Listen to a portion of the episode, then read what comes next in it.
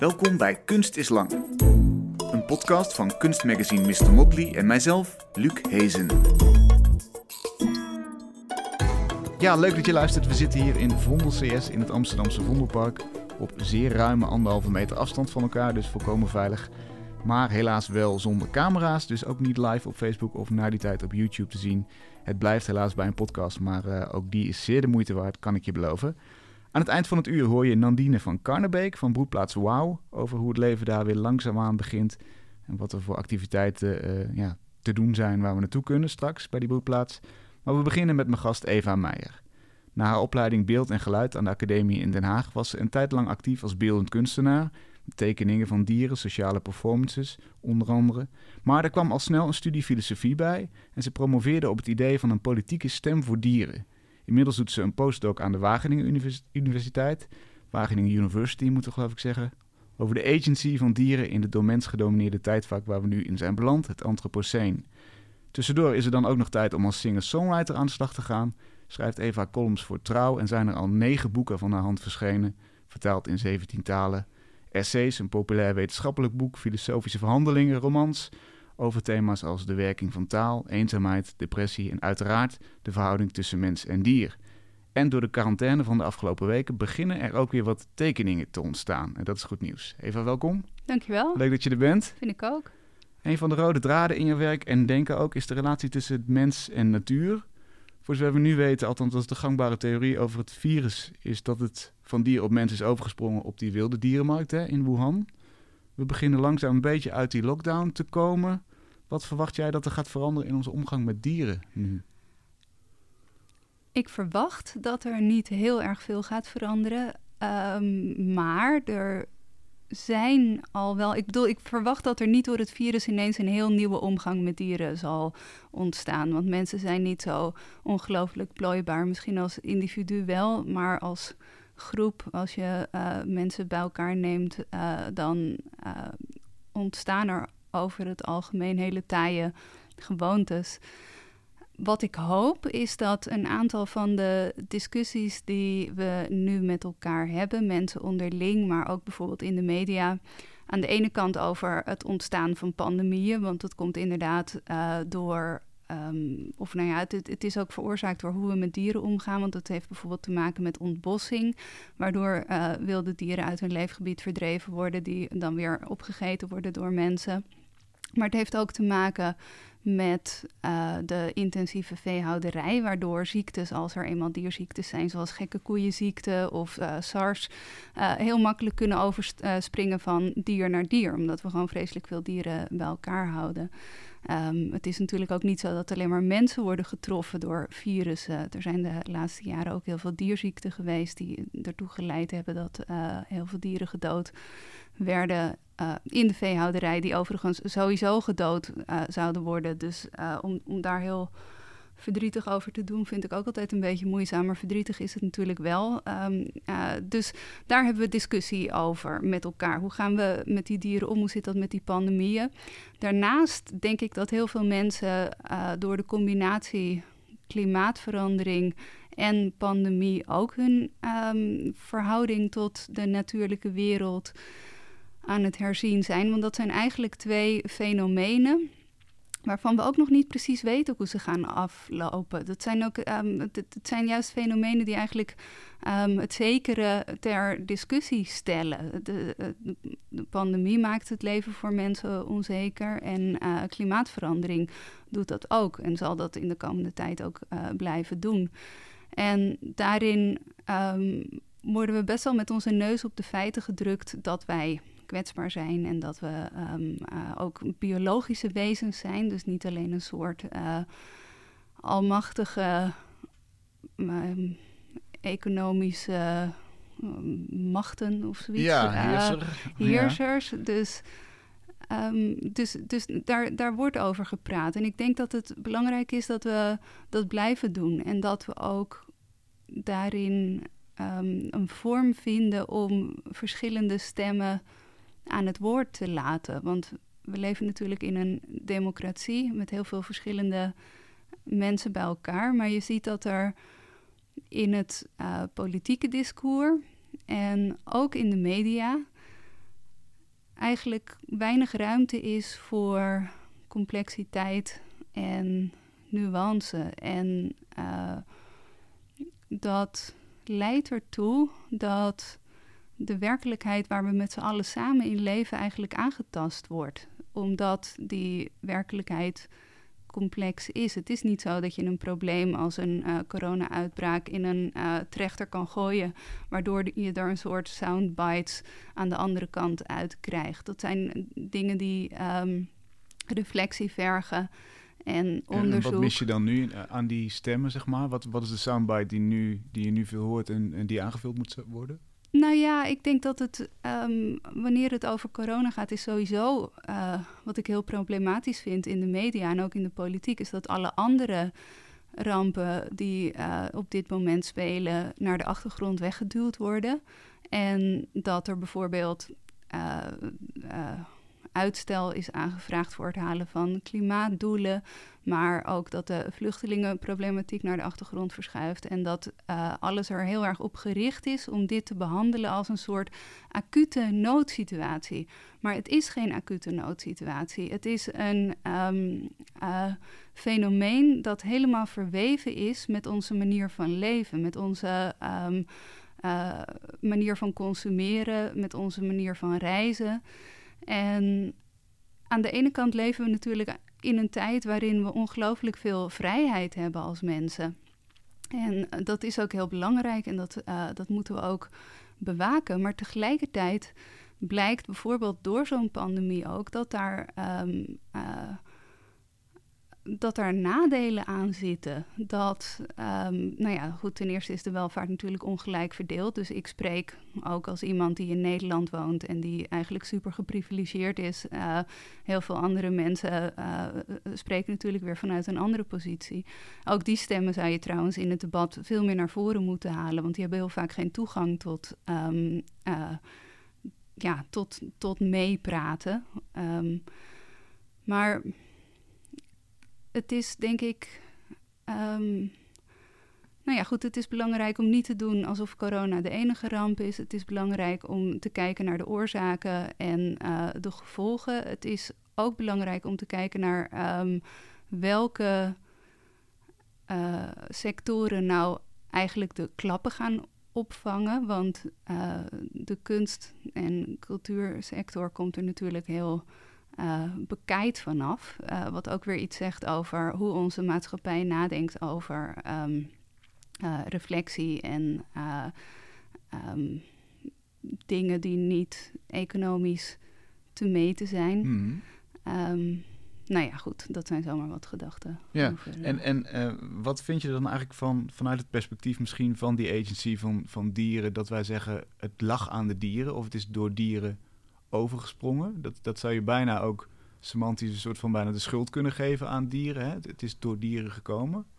Hoe, kijk je daarnaar? Nou, ik denk niet dat dat de. Um, ik heb eigenlijk, ik, behalve een soort angst voor vleermuizen, een hernieuwde angst voor vleermuizen, die natuurlijk ook al qua Dracula-vergelijkingen uh, er altijd slecht van afkomen, heb ik nog weinig um, stemmen gehoord die inderdaad dieren de schuld geven. Nou zijn dieren wel vaak um, uh, de sjaak, zeg maar, in onze, um, uh, hoe noem je dat, in ons, in ons denken en doen. Maar um, nee, dat heeft, ik denk dat dat uh, heel, dat dat discussies zijn die losstaan van elkaar. Want als je, wanneer je agency van dieren gaat meedenken, dan blijkt natuurlijk al heel snel dat die dieren helemaal niet verhandeld willen worden op die wet markets in China, maar dat ze gewoon hun eigen leven willen leven. En dat het respecteren van die agency ook inhoudt dat je uh, respecteert dat ze um, uh, recht hebben op de aarde die we met ze delen en recht op vrijheid en al dat soort dingen. Dat ze überhaupt niet verhandeld zouden worden in, in kooien op markten. Zeker, en, ja. ja. Um, maar als samenvattend zeg je eigenlijk, ik ben sceptisch over de grote veranderingen die, die door zo'n flitscrisis van twee maanden of misschien net iets langer teweeg worden gebracht. Je zegt die systemen die, die zijn taaier dan wij dan we denken. Zeker, dat, dat denk ik. Alleen is het wel zo dat dit. Kijk, als mensen hebben we natuurlijk, leven we heel vaak in tijden van crisis. Of het nou gaat over economische crisis of over ehm, nou ja, de klimaatcrisis uh, die eraan komt. Maar ik denk wel dat, dat de crisis waar we nu mee te kampen hebben, er eentje is die van ons gaat vragen dat we dingen anders doen. Um, maar ik denk ook dat dat nog wel eventjes gaat duren, want dat mensen pas gaan veranderen als het echt niet anders kan. Mhm. En wat zou er dan voor nodig zijn? Wat, als, als dit het niet is, wat dan wel? Nou ja, nog grotere rampen, waterspiegelstijging, de helft van Nederland onder water. En dan nog zullen mensen zeggen, oké, dan verhuizen we naar het, uh, naar het oosten. Maar dat zijn dingen die wij, uh, nou ja, misschien ook wel de grote droogte waar we mee geconfronteerd worden. Het, het zijn een soort bijbelse rampen ook, hè, haast, die, uh, die ons gaan treffen. Hmm. Maar ziektes horen daar ook bij. En ook de, zeg maar de, ja, de manier waarop we ons tot elkaar verhouden en gewoon fysiek tot elkaar verhouden, bedoel ik. Dat we zo ongelooflijk veel ruimte innemen, dat er zo ongelooflijk veel mensen zijn, dat, um, ja, ja, dat keert als een soort boemerang terug. Maar, maar, maar we zijn hardleers in de zin van we moeten het zelf aan de lijf ondervinden en dan gaan we misschien ons gedrag aanpassen. Maar kijk, dit is natuurlijk allemaal. Ik ben geen voorspeller van de toekomst. Ik ben ook geen psycholoog. Dus ik, ik, uh, uh, ik kan alleen maar iets zeggen over. Um, kijk, ik spreek nu vanuit mijn achtergrond als, uh, als filosoof en um, ook als iemand die al heel lang bezig is met het nadenken over uh, wat rechtvaardig is en wat, um, hoe zeg maar, morele argumentatie zich verhoudt tot de empirische werkelijkheid. En dan, dit, zeg maar, de geschiedenis, in de geschiedenis um, zie je dat mensen niet echt te bewegen zijn tot ander gedrag, alleen maar doordat dat uh, omdat dat het juiste is om te doen. Dat is voor heel, heel veel mensen onvoldoende uh, motivatie, cultuur en gewoonte en uh, eigen gewin. Dat soort dingen wegen allemaal zwaarder. Maar hoe dat nu verder zal gaan, dat zullen we zien. Kijk, er kan ook altijd wat nieuws ontstaan. Ja, we hebben het over verwachtingen. Het is een beetje koffiedik kijken inderdaad. Ja. Maar, dat, dat mogen we graag doen in deze quarantaine-tijd, althans erover praten. Um, je, je, noemde net al uh, uh, ja, empirische onderzoeken en uh, wetenschappelijke onderzoeken. Jij schreef het populair wetenschappelijk boek Dierentalen. Bespreking van het belangrijkste wetenschappelijk onderzoek over hoe dieren met elkaar communiceren. papegaaien geven hun jongen een naam. Prairiehonden waarschuwen elkaar voor een naderend mens. Hoe lang is die mens? Wat heeft hij voor objecten bij zich? Wat voor haarkleur? Welke inzichten hebben jou het meest verbaasd toen je dat zo samenstelde? En misschien ook nog wel na het uitkomen van het boek?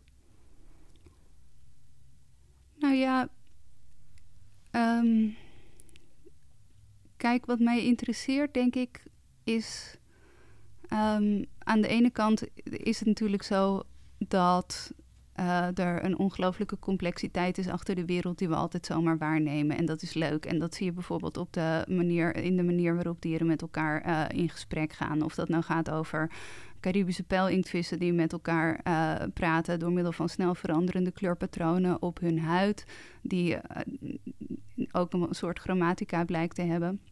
Of dat het gaat over dieren die uh, met geur communiceren of met lichaamshoudingen. En, of de, de prairiehonden inderdaad die over mensen praten. Of dieren die hun kinderen namen geven, zoals dolfijnen en papegaaien. En um, dieren die over elkaar roddelen, zoals vleermuizen.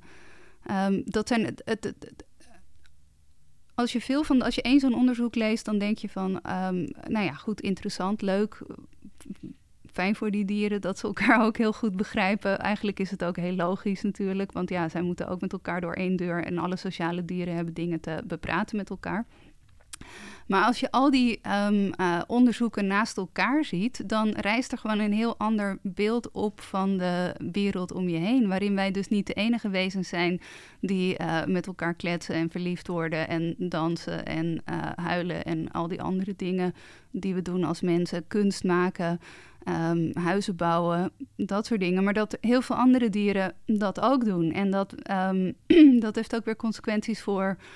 Um, voor hoe je jezelf kan zien als mens. En, uh, en dat, dat is natuurlijk heel leuk. Maar ik denk dat wat voor mij het meest mijn eigen blik veranderd heeft, is door het echt te gaan benaderen als taal. Want dieren zijn van oudsher eigenlijk uitgesloten per definitie van de taalfilosofie. Taal is afgebakend als mensentaal, dus dieren horen daar ehm, al per definitie niet bij, niet menselijke dieren, andere dieren uh, dan wij, want mensen zijn ook dieren. En ehm, het grappige is dat wanneer je inzichten van uh, taalfilosofen en mijn interesse is daarin um, deels poststructuralistisch. Dus ik hou bijvoorbeeld van het werk van uh, Derrida en Foucault, die nagedacht hebben over machtsrelaties in, in, de, in en buiten de taal. Maar ik vind het werk van Wittgenstein ook heel relevant om na te denken over taal en dieren, omdat hij eigenlijk ervan uitgaat dat taal alleen maar betekenis krijgt uh, binnen een specifieke sociale context. En uh, hij heeft daar een aantal dingen over geschreven die niet alleen heel geschikt zijn om na te denken over taal van mensen, maar ook om na te denken over die talen van andere dieren en ook zelfs over um, taaluitingen tussen mensen en uh, andere dieren. En eigenlijk was voor mij dus de, um, ja, de taalfilosofische lens heel. Um, uh, dat, dat, dat veranderde. En die, die gebruiken om over dierentalen na te denken. Dat veranderde wel hoe ik um, die dieren waarnam. En um, Namelijk op ook hoe manier? ik over taal nadacht. Nou ja, het is heel. Um, aan de ene kant uh, gaat het over het ontstaan van uh, nieuwe vormen van taal. Wittgenstein uh, schrijft bijvoorbeeld: de kleren van de taal maken alles gelijk. Dus omdat een woord één vorm heeft, zoals bijvoorbeeld het woord liefde, um, denken wij: oh, liefde is liefde. En heel vaak hebben we daar dan ook nog een soort beeld bij dat gevormd is door media en ideologie. Dus bijvoorbeeld: liefde is de liefde die je ziet in Hollywoodfilms. En wanneer het dan gaat over, uh, over dieren en liefde, dan wordt dat ook in een soort hele menselijke mal van liefde geduwd. Waar Wittgenstein zegt van ja, maar dat is eigenlijk helemaal niet hoe taal werkt. Die woorden zijn meer een soort richtingaanwijzers die pas hun heel precieze en specifieke en unieke vorm krijgen binnen bepaalde um, uh, sociale situaties. Dus wanneer je in een nieuw land komt, heb je ook nooit genoeg alleen maar aan een woordenboek. Je moet ook de mores van dat land leren kennen en je moet uh, kunnen weten, je moet weten wat mensen bedoelen als ze glimlachen en, uh, en al die dingen. En als het dan gaat over, um, over liefde, dan zie je dat dat uh, ook ontstaat, of dat er ook liefde is tussen um, verschillende dieren onderling, maar bijvoorbeeld ook tussen honden en mensen. En die hondenliefde is niet hetzelfde als mensenliefde, maar het is wel um, iets dat een familiegelijkenis, dat is ook een woord van uh, Wittgenstein, vertoont met wat wij als mensen onder liefde verstaan. Uh, en nou ja, goed, dat, dat is maar één, uh, één voorbeeld eigenlijk van hoe de wereld rijker kan worden als je erover nadenkt. En hoe um, er uiteindelijk, kijk, als filosoof ben je eigenlijk de hele tijd bezig met het uh, schipperen tussen het heel individuele en specifieke en de grotere structuren.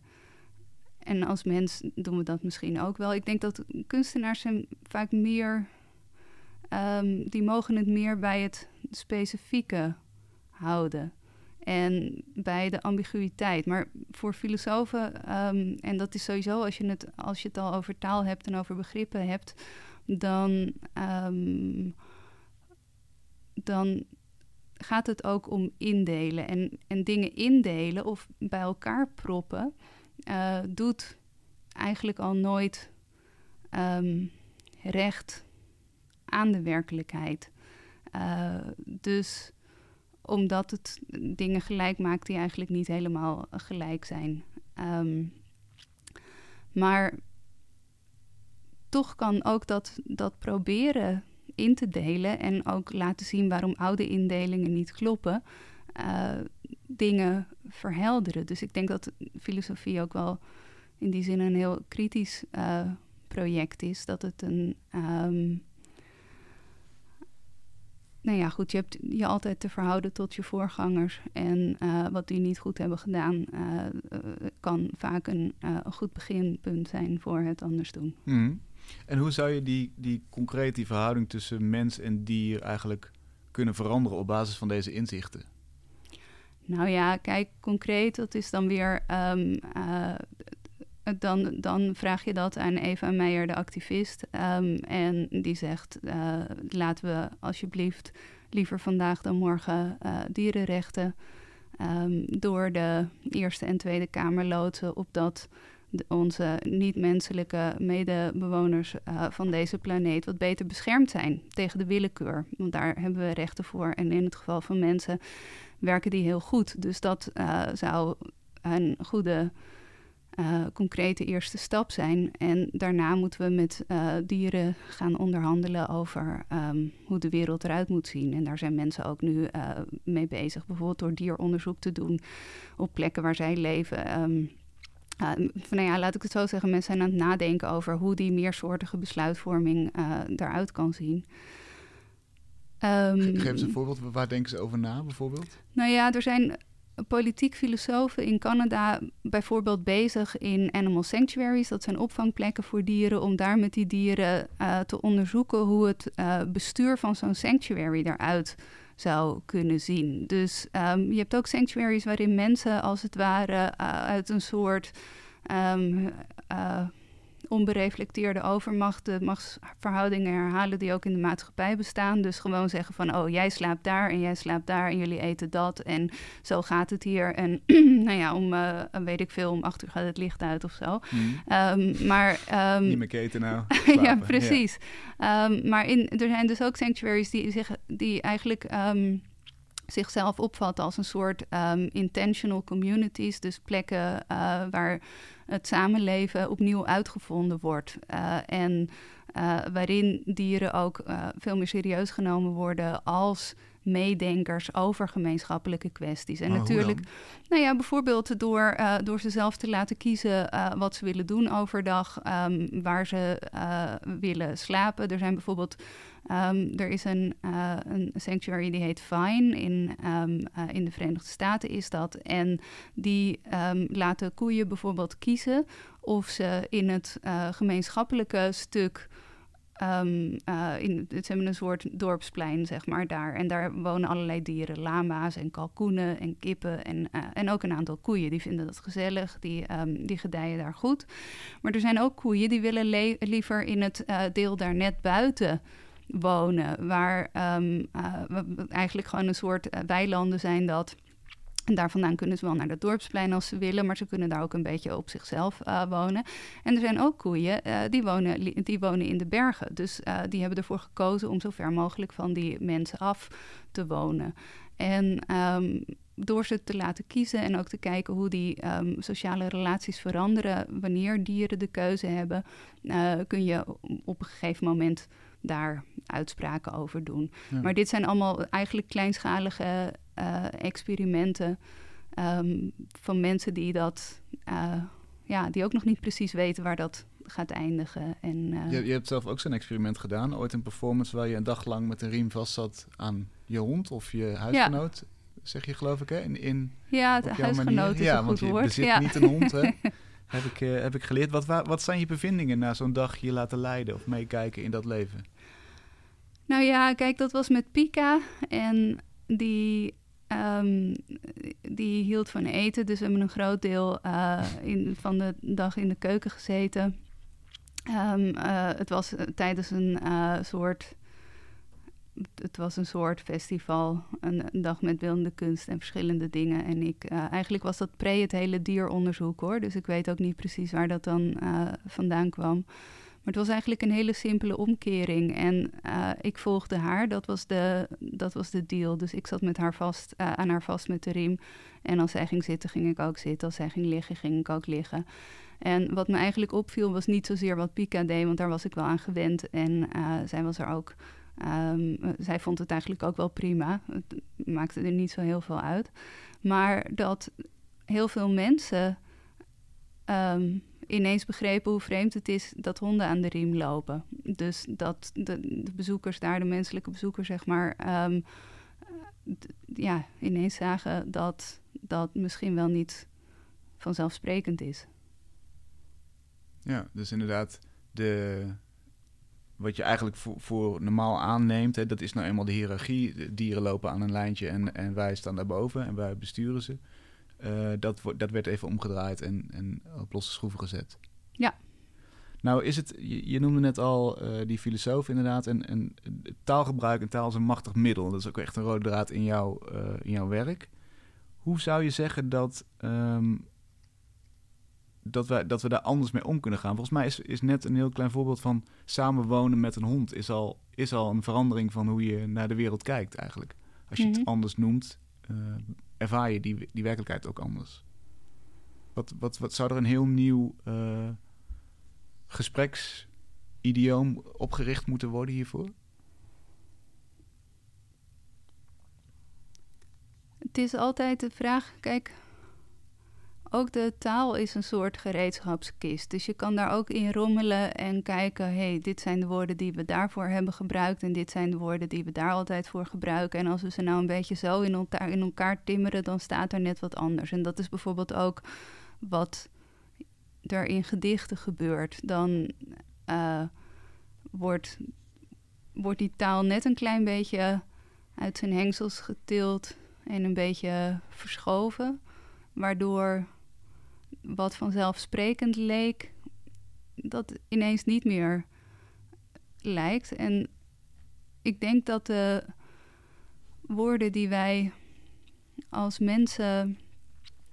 Kijk, taal is natuurlijk altijd een soort uh, tweekoppige draak. Aan de ene kant kan het ruimte overbruggen en aan de andere kant uh, schept het afstand, legt het een soort um, ja, ruimte tussen de een en de ander. Want die woorden die, die, die vullen een tussenruimte of die maken een tussenruimte.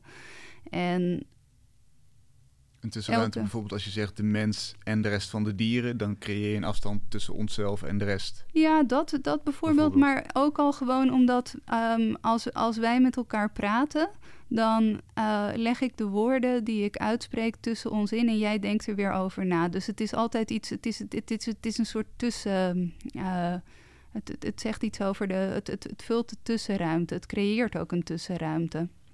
En het grappige is ook natuurlijk dat mensentaal daarin uh, beperkt is. En dat. Vanochtend schreef ik aan een, aan een vriendin van mij over een van de honden met wie ik samenwoon, die heel veel commentaar geeft op wat ik doe. Maar ook gewoon door naar me te kijken, zo van. De. en dat, uh, dat kan ook heel effectief zijn. Maar goed, dat doen we als mensen ook. Taal is veel meer dan, dan alleen maar woorden natuurlijk. Mm.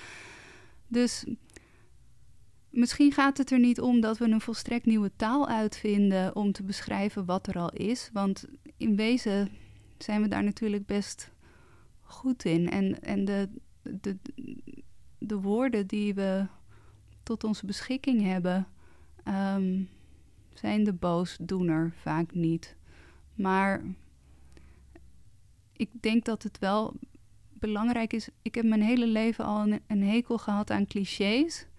Omdat, kijk, ik begrijp dat er uitgesleten uitdrukkingen moeten zijn om bepaalde situaties. Kijk, het, het, kan ook gewoon lekker zijn natuurlijk. Als je iemand, als je je buren tegenkomt en je, je vraagt hoe gaat het? Of um, uh, lekker weertje. Hè? Weet je, dat vind ik ook grappige sociale interacties. Waarin taal eigenlijk helemaal niet. Het gaat helemaal niet over betekenis. Het gaat alleen maar over het vormgeven van zo'n korte sociale interactie. En zeggen: Ik vind het leuk om elkaar even te zien. We maken een praatje. Uh, misschien is het iemand die eenzaam is. Dus dan weet je wel, dan, dan dient dat nog een doel. Mm -hmm.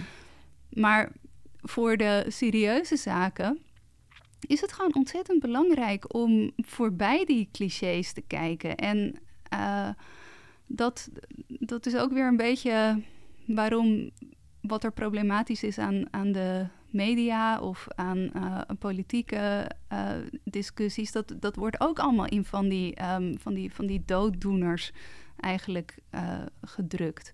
En ten eerste verbloemt dat het feit dat het leven helemaal niet vanzelfsprekend is. Uh, en ten tweede is het ook. Um, het, is gewoon een soort gebrek aan creativiteit en aan um, uh, oog voor het nieuwe. En wanneer je geen oog hebt voor het nieuwe of voor hoe het anders kan, dan, uh, dan zie je het ook niet. En hoe komen we daar voorbij? Hoe komen we voorbij die efficiënte en misschien clichématige manier van communiceren? Want ik denk dat efficiëntie een belangrijke term daarin is. Het moet snel, het moet. Mm -hmm. uh, heel vaak is het misschien ook niet wenselijk, vinden twee partijen het onderling niet wenselijk om, om uh, echt gedetailleerd te, te praten. Is 70% communiceren genoeg mm -hmm. vanwege de efficiëntie? Hoe gaan we daar voorbij? Dat is ook zo. Het is natuurlijk, je hoeft niet in elke, elke situatie hoef je iets nieuws te zeggen. Aan de andere kant, waarom niet? Het zou natuurlijk toch veel interessanter zijn als mensen wat wat meer nadenken over wat ze zeggen en daar ook meer aandacht aan besteden. Maar goed, laten we even uitgaan van de status quo, waarin, ja. uh, waarin dat taalgebruik gericht is op um, efficiëntie en vaak ook heel, heel lelijk is daardoor. En nou ja, goed, dan zijn er misschien bepaalde lagen van de samenleving of bepaalde sferen of bepaalde um, situaties waarin dat ook anders kan. En dan bedoel ik niet alleen maar de kunst of de literatuur, terwijl natuurlijk literatuur een heel duidelijk uh, um, um, een, een, heel duidelijke, uh, hoe noem je dat, plek is om, om dat te doen, omdat je daarin niet alleen maar heel veel mensen denken dat een boek gaat of een, dat een roman gaat over het verhaal dat je vertelt, maar het gaat ook natuurlijk over hoe je dat verhaal mhm. vertelt en ook over de, de dingen die er, die er juist onder liggen. Eigenlijk maakt het verhaal heel vaak niet zoveel uit, hoewel ook een verhaal natuurlijk um, weer iets kan bewerkstelligen. Het kan wel begrip oproepen voor een tijd of een plek die je, die je niet kent. Maar ik bedoel ook bijvoorbeeld in het onderwijs is ook ruimte om uh, om, om het hierover te hebben en om dingen net een beetje anders te doen dan anders. En uh, ook in, nou ja, goed, misschien ook wel, uh, ook wel in, de, in de politiek en in de, uh, en in de kranten.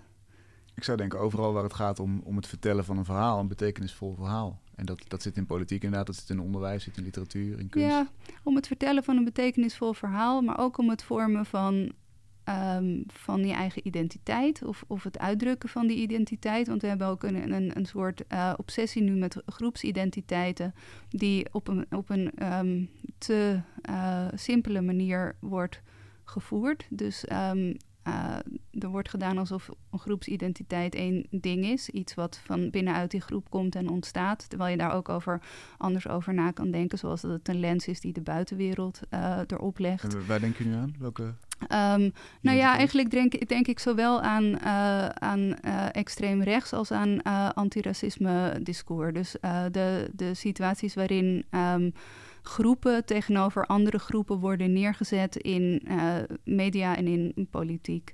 En uh, de manier waarop dat verschillen eigenlijk um, haast uitvlakt. Um, en uh, de, de, manier waarop die discussie gevoerd wordt, dat zou bijvoorbeeld ook wel wat meer nuance en verhaal kunnen gebruiken. Ja. En nou ja, zo zijn er heel veel dingen, zoals ook, kijk, Um, er zijn natuurlijk ook tegenstellingen tussen groepen en groepsbelangen. Um, want dat is ook iets, uh, het, het, um, het nadenken over wat nou eigenlijk je belangen zijn, is ook iets wat meer betekenis verdient. Want heel veel mensen Um, nou ja, ik kan niet zeggen heel veel mensen miskennen hun eigen belangen, want dat zou ongelooflijk, uh, hoe noem je dat, uh, patroniserend zijn en ook misschien wel gewoon onjuist. Maar ik denk wel dat er vanuit de, um, zeg maar, vanuit het neoliberalisme een bepaald soort mensbeeld uh, ontstaat waar heel veel mensen zich aan gaan aan, aan afmeten. Maar ook bijvoorbeeld, ehm, eh, het is niet alleen maar dat dat een economische ideologie is. Kijk, het, het uit zich ook in uh, BN'ers die ehm, eh, programma's hebben waarin ze dingen doen. Dus dan denken mensen, ik wil als die BN'ers zijn. Dus er zijn hmm. heel veel, zeg maar, er zijn, we krijgen heel veel input van buiten door, um, door media en door beeld er wordt uh, kinderen die ook nu opgroeien met um, schermpjes. Uh, krijgen er meteen een tweede wereld bij. Dus naast de, de, wereld waar nog wel eens een boom gewoon rustig staat te staan, zijn, is er ook een wereld waarin steeds maar filmpjes uh, uh, vertoond worden, waarin mensen er bijvoorbeeld op een bepaalde manier uitzien. En als je de hele tijd opgroeit met een, een filmpje waarin vrouwen er op een bepaalde manier uitzien, of mannen, of dat soort categorieën, dan, um, dan ga je daar waarschijnlijk onbewust aan, uh, aan, aan, aan, afmeten. Of uh, dan, dan denk je, oh, dat, zo, zo zit het in elkaar. En uh, hetzelfde werkt natuurlijk met belangen. Van, oh ja, dan denk ik, oh, dit zijn, dit zijn mijn belangen. Of dit is wat ik wil. Dit zijn, dit zijn mijn wensen. Maar het is maar de vraag of de informatie die je van je schermpje krijgt en uit de grotere samenleving naar je toe ge, ge, gestouwd krijgt. Mhm. Of dat ook werkelijk je belangen zijn, of, je, ehm, ja, of, of de dingen zijn die, die goed voor je zijn, of je, of je gelukkig maken. Dat zijn, denk ik, toch uh, zaken waar je wel verder over na kan denken. Ja, waar je misschien kritisch naar moet kijken. Ja. Een manier uh, waarin je eigenlijk voorstelt om dat te doen, althans als ik het goed gelezen heb, is in je nieuwe roman, De Nieuwe Rivier. Uh, daar gaat het eigenlijk over veel verschillende vertelvormen, verschillende talen eigenlijk bij elkaar rondom één thema. Uh, het boek speelt zich af in een fictief land in Zuid-Amerika. Er is een rivier die ineens aan het landschap ontspringt.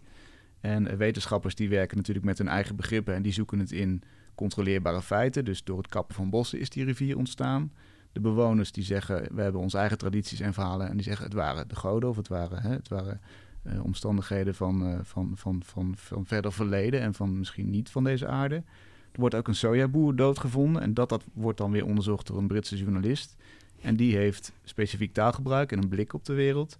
En die uh, legt dan weer machtsstructuren en spelletjes bloot. Dus eigenlijk hebben al die partijen hun eigen blik en hun eigen begrippen en daardoor ook een andere blik op die werkelijkheid.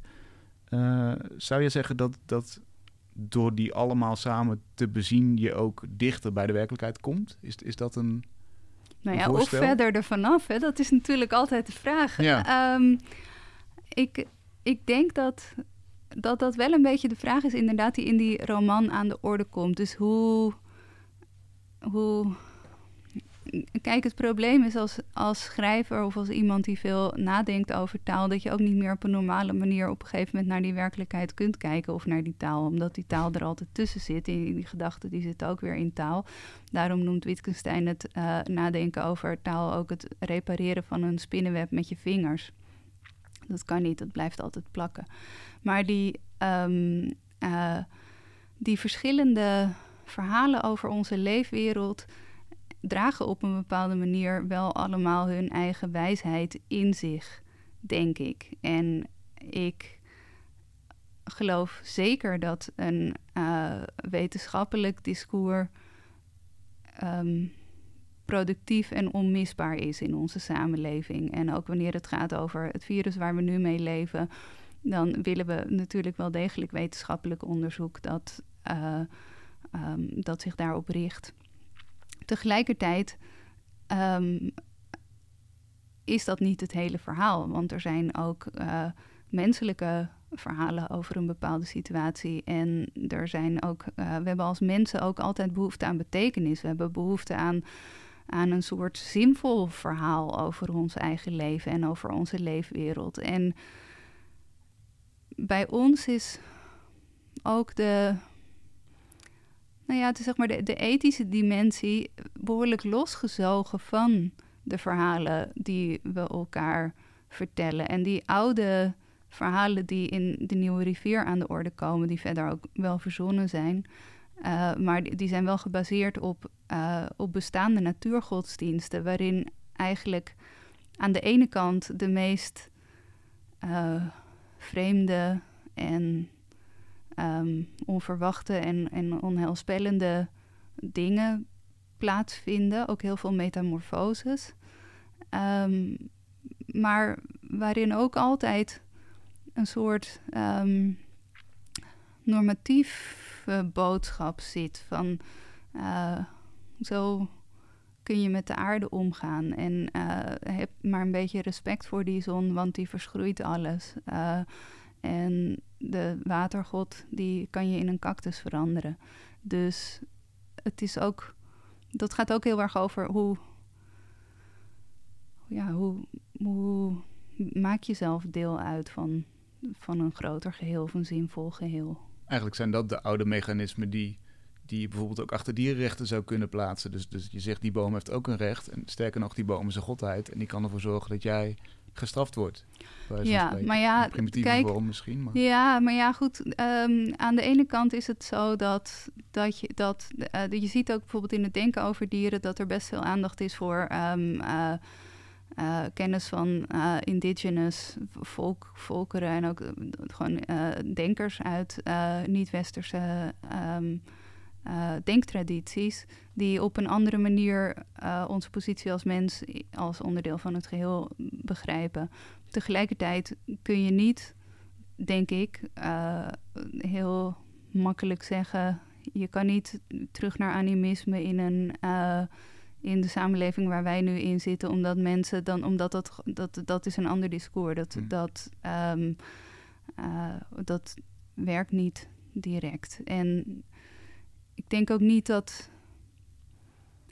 Kijk, een houding van verwondering en nieuwsgierigheid. Ik denk ook dat het. Kijk, ik, in de nieuwe rivier is het ook helemaal niet zo dat er een clue is of een oplossing of een, uh, of een, of een, um, een conclusie. Maar omdat die er ook niet is, denk ik. En het punt is dat zodra wij als mensen weer gaan bepalen wat, hoe, het, hoe het allemaal verder moet, dan komen we al heel gauw weer terecht in onze eigen menselijke echokamer. Mm. Dus de uitdaging is juist om ook oog te hebben voor het vreemde en voor wat er nog niet is en voor de. Um,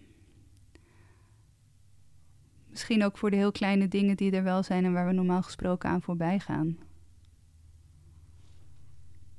Wat, wat nog best een uitdaging is, inderdaad. Want uh, mensen zijn misschien al druk, druk genoeg bezig met hun eigen hoofd boven water te houden. Of, of, of hun eigen wereld te begrijpen in hun eigen taal. Laat staan dat ze nog andere talen of andere perspectieven de ruimte hebben in hun hoofd om die erbij te pakken. En, en dus uh, op zich te laten inwerken. Het, voelt bijna ook als een luxe. Ja, nou ja, kijk, het is altijd de vraag: de, een luxe voor wie? Want. Um, in Groenland uh, hebben de Inuit nu al het meest te maken met klimaatverandering. Hun leefgebied is eigenlijk onleefbaar geworden. Ze kunnen hun oude manier van leven niet meer, uh, um, de, uh, niet meer volhouden omdat de, de, gebieden waar ze normaal gesproken leefden en jaagden en, en alles al onherkenbaar veranderd zijn. En zij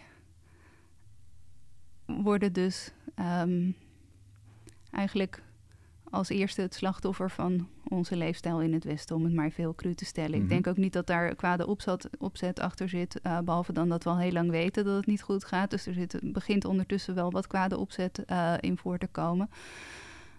Um, dus en ook wanneer het gaat over nadenken over dieren en, en andere talen. Natuurlijk is dat een kwestie van eigen belang voor de mens. Maar het is ook gewoon zo dat het uh, eigenlijk heel uh, oneerlijk is om het niet te doen. Uh, omdat zij anders de prijs moeten betalen voor onze hobby's en, en leefsituatie. Dus, en wanneer het bijvoorbeeld gaat over sociale verandering Um, is het voor vrouwen eeuwenlang, uh, en nou ja, eigenlijk altijd tot de laatste tijd um, heel beroerd geweest. En dan kun je ook niet zeggen van in die eerder, je kan niet in de, in de middeleeuwen zeggen van ja, het, uh, het is eigenlijk een luxe om na te gaan denken over die positie van de vrouw, want we hebben te maken met de pest en uh, allerlei andere problemen. Mm. Dus het, het, het, het een gaat niet ten koste van het ander. En daar komt denk ik nog bij dat zelfs in de meest penibele omstandigheden mensen verhalende wezens zijn. Wij zijn. Um, ik bedoel, taal vormt onze leefwereld. En, en wij vormen ook weer die taal. Dus dat is een soort continue wisselwerking. Um, en ik vind helemaal niet dat uh, schoonheid voorbehouden moet zijn aan degenen die uh, het kunnen betalen. En ik denk ook echt dat dat niet zo is. En dat er. Um, dat juist de taal en verhalen um, misschien ook op een bepaalde manier wel democratisch zijn, omdat ze altijd en overal voorkomen. Er is altijd en overal de behoefte om het met elkaar te hebben over hoe het ook kan zijn. Of dat nou gaat over moordverhalen of over um, poëzie. Dat, dat hoort bij ons. Maar het is zeker in een tijd die zich zo laat kenmerken door efficiëntie en door marktdenken, ook wel weer steeds iets om te veroveren. Maar daarom is bijvoorbeeld de beeldende kunst ook iets wat steeds um, weer in het verdomhoekje komt te zitten en uh, zich daar dan weer uitbokst. En uh, daar zit ook altijd een grote spanning in tussen, de, um, uh, tussen, tussen wat kunst is en literatuur en wat het doet. En en die andere economische structuren, omdat die natuurlijk altijd weer gericht zijn op institutionaliseren en, en reguleren en subsidiëren. En um, al die, die, um, die dikke taaie uh, bureaucratische structuren, die pletten natuurlijk. Ja, die lopen, die kunnen die, zeg maar, die, de, de waarde van de kunst eigenlijk helemaal niet um, goed faciliteren of... Uh, nee, omdat het, omdat het juist... Het moet een tegenbeweging zijn. Weet je wel? Dus daarom is het ook bijvoorbeeld gek om als schrijver een uitgever te hebben. Want een uitgever is iemand of een, een groepje mensen... die uh, boeken wil verkopen en ze aan de mens wil brengen. Terwijl uh, je als schrijver, tenminste ik als schrijver... Ik bedoel, ik kan er helemaal niet... Um, ik, ik schrijf een boek omdat dat boek geschreven moet worden. En verder heb ik helemaal niet, wil ik daar niet de, de, de boer mee opgaan. Mhm. En, uh, maar dat is toch een soort spagaat waar je in, in tegen wil en dank in terechtkomt. En ik denk dat dat ook in grotere zin voor de, voor de literatuur en voor de kunstwereld uh, geldt. Het wordt eigenlijk afgemeten aan een, aan een waardesysteem dat niet eigen is aan, uh, aan het werk. Ja. Eigenlijk zouden, zou je dan. Ehm, eh, zouden we in ons, in ons uh, taalgereedschapskistje moeten gaan en kijken, liggen daar nog begrippen die we kunnen ombuigen om die kunst beter tot waardering te kunnen laten brengen? Ja. Dus niet aan het aantal bezoekers misschien wat, wat, wat, wat het ziet, maar een soort van subjectieve waardering. Ja, maar ja, kijk, je kan natuurlijk nooit zeggen. Um, een kunstenaar moet dit of een schrijver moet dat. Want dat, dat is eigenlijk alweer meteen, dan wordt het alweer iets wat het niet is. Hmm. Dus um, behalve dan misschien tornen of een beetje peuteren aan het systeem. Ik denk dat dat altijd wel moet. Ook omdat het niet anders kan. Want ja, en je maakt toch iets waar niemand op zit te wachten. Dus dat, dat moet. Um, dat, dat mag niet, niet gladjes opgaan in wat er al is. Het moet, het moet een beetje stekelig uh, worden. Maar inderdaad, ik denk dat zeg maar, de mensen, dus los van de kunstenaars, maar de mensen die gaan over het geld in de kunst, dat die uh, best nog eens terug mogen hun taalgereedschapskist in om te kijken wat het nou eigenlijk is, wat ze verkopen. En ik bedoel, ik ben ook tegen geld, dus ik vind ook dat we dat helemaal niet in geld zouden moeten uitdrukken. Maar goed, uh, ondertussen moeten we wel eten. Hebben, Precies, ja, en moet de huur ook betaald worden. Dus daarom moeten we ook zo snel mogelijk toe naar een basisinkomen voor iedereen, maar tenminste voor de kunstenaars. Want dat scheelt toch een hoop stress. En die werken toch wel hard door. Ik bedoel, niemand wordt voor de lol kunstenaar. Dat kan ik me niet voorstellen. Dus dat doe je omdat je het moet doen. En dan, ja, dan kun je dat als, taal, als sta, staat kun je dat um, faciliteren. Maar eigenlijk is het natuurlijk goed om iedereen geld te geven. Zo zei, uh, zo zei het ook in een interview. Je zei, ik begrijp mijn werk, of in ieder geval mijn schrijvende werk, niet als iets wat ik eh, zelf bedenken en dan gaan zitten uitwerken aan de hand van schema's. Maar dat, ja, dat dient zich gewoon aan en het is aan mij de taak om het zo goed mogelijk op te schrijven. Als Ja. soort van intermediaire eigenlijk. Ja. Waar, waar, waar komt dat dan vandaan, in, in jouw opinie? Nou, Heb je daar een idee over? het komt aan de ene kant, of nou, het komt deels uit gedachten die een tijdje liggen te gisten. Dus ik, ik lees iets of ik kom in het academische werk iets tegen of, of ik zie op straat iemand en dan denk ik, oh, dat is zo iemand of dat zit zo of zo. En dat, dat ligt dan gewoon in een achterkamer in mijn hoofd, ligt die gedachte een beetje te wachten en...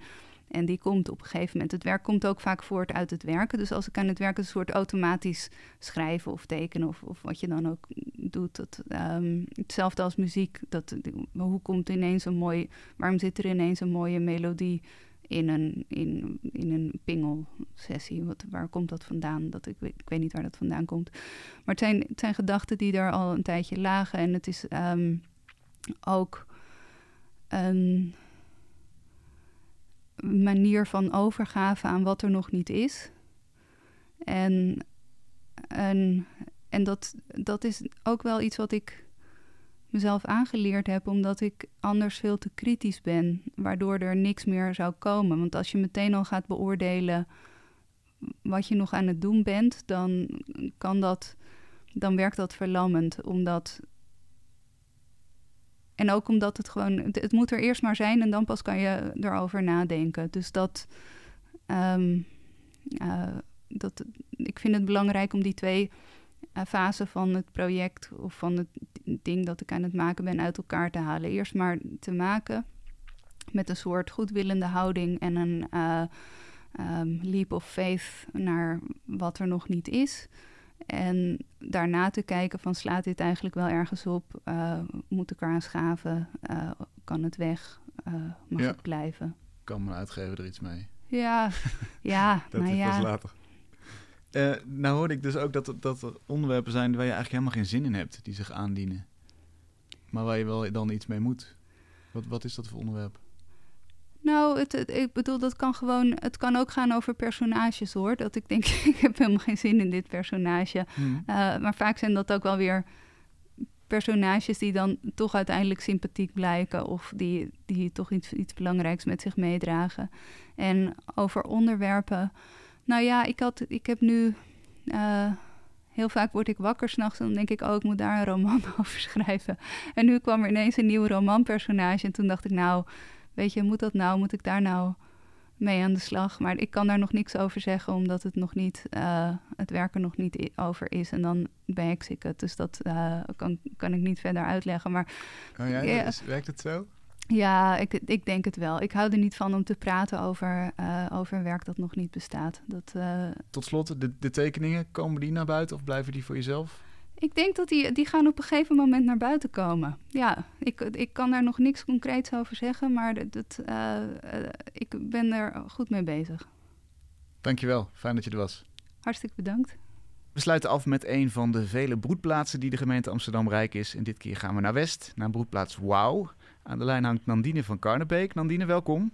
Dankjewel. Waar Hallo. ligt Wauw precies?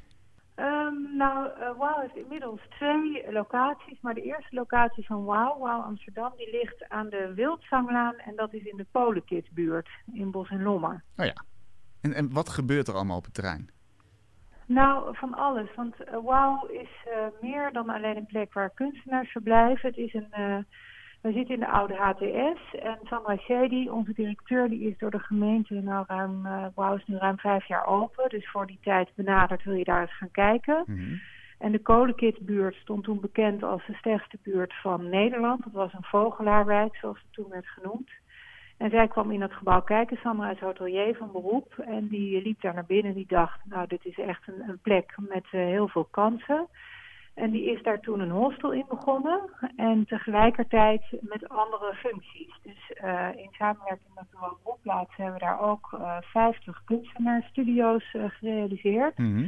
En dat is een plek waar kunstenaars eigenlijk uit eh, alle uithoeken van de wereld, eh, eh, werkzaam in alle disciplines van de kunsten, die kunnen daar twee jaar eh, verblijven, eh, dus werken en, en wonen. Mhm. En um, dus die zitten daar, maar er zitten ook toeristen. Um, we hebben een restaurant waarin we daghap uh, serveren van 8,50. En uh, in dat restaurant worden ook statushouders opgeleid uh, met het ROC om in de hospitality te gaan werken. Dus het is eigenlijk een, een multifunctionele plek waar allerlei verschillende groepen uit de stad samenkomen.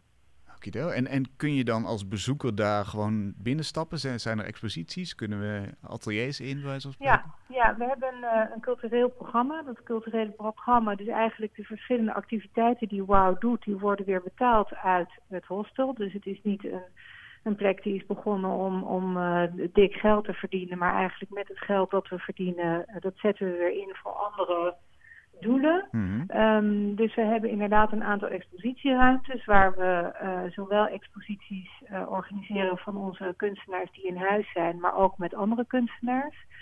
En we hebben um, een programma wat we ook nog ontwikkelen voor de buurt. Uh, dus we geven bijvoorbeeld in samenwerking met Muziekgebouw en TEI geven we workshops. We zijn bezig met een samenwerking met het Rijksmuseum waarin we tekenlessen zullen gaan geven in de buurt. we hebben uh, de jaarlijkse vrijheidsmaaltijd. Dat vind ik altijd een van de hoogtepunten. Dan wordt dus de hele buurt uh, uitgenodigd om voor de deur te komen eten. Dus we een soort gigantische barbecue waar wel honderd uh, maaltijden op worden bereid. En dan programmeren we dat weer met onze kunstenaars. Dus er zijn dan altijd performances met muziek, modeontwerpers geven workshops. Nou deze deze vrijheidsmaaltijd ging natuurlijk niet door, maar we hadden daar um, een uh, workshop van Judy Young uh, ge gepland. Zij komt uit Australië en zij, um, zij geeft hula hoop performances.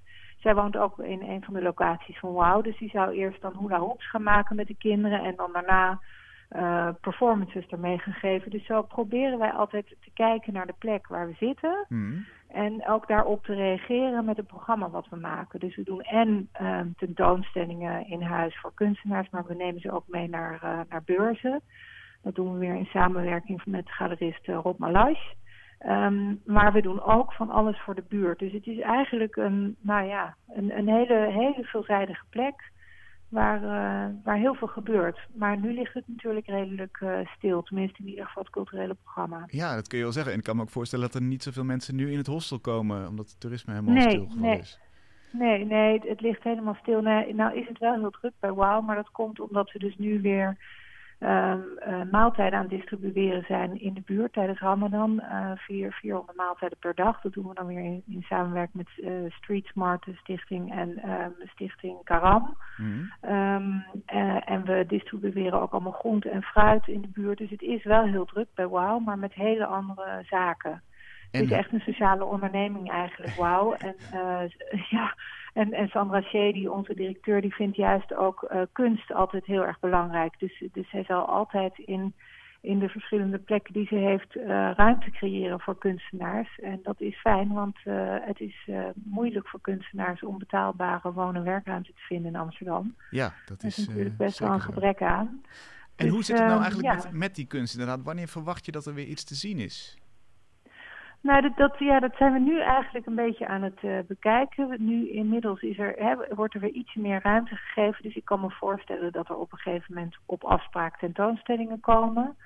Uh, we zouden naar de kunstdraai gaan. Uh, die, was, die is nu uitgesteld tot oktober. Nou, daar zijn we ook zeker te zien. Um, we zouden dit jaar weer de workshop gaan doen met het muziekgebouw. Dat, die heet Soundlab. Dat is dan dus voor basisschoolkinderen in de buurt die dan bij WOW een aantal lessen krijgen en dan uiteindelijk ook een, een, concert mogen bijwonen in het muziekgebouw en daar ook zelf een concert mogen geven. Mm. En dat is voor veel van die kinderen die zijn nog nooit in het muziekgebouw geweest. Sommigen die zijn nog nooit in het centrum geweest. Dus het is een hele bijzondere en bijzonder leuke uh, workshop om, om te kunnen organiseren. Nou ja, dat zijn dingen waarvan ik denk dat, dat moet, daar moeten we uh, kijken hoe. Het, we kunnen het niet helemaal doen zoals het opgezet is, wellicht. Maar we kunnen wel kijken hoe we daar nu binnen de mogelijkheden die er nu zijn. wel een draai aan kunnen geven. Dus dat, dat is eigenlijk. Dat, ja, dat, dat zijn dingen die nu weer uh, gaan lopen. Ja. Ja, wat eigenlijk ja. goed nieuws is natuurlijk. Waar, waar uh, ja. kunnen we gaan kijken? Willen we op de hoogte blijven en ja, willen we misschien eens een keer naar Wout toe gaan? Nou, we hebben een site, wow-amsterdam.nl. En op die site, we hebben ook een nieuwsbrief die we altijd versturen. We hebben zo ook, we hebben Wow Arts and Culture op Facebook en op Instagram. Daar posten we alles op. En dan hebben we een nieuwsbrief waar je je via de site op kan abonneren. En, en dan blijf je van alles op de hoogte. Want zodra het weer kan, willen wij natuurlijk weer vol gaan draaien met ons culturele programma en met alle verschillende activiteiten die we doen. Super. En WOW is dan WOW, hè? Ja, Staat genoteerd. Dankjewel, Nandine. Oké. Tot zover Kunst is Lang van deze week. Volgende week zijn we er weer en dan zit Monika Daalberg hier. Graag tot dan.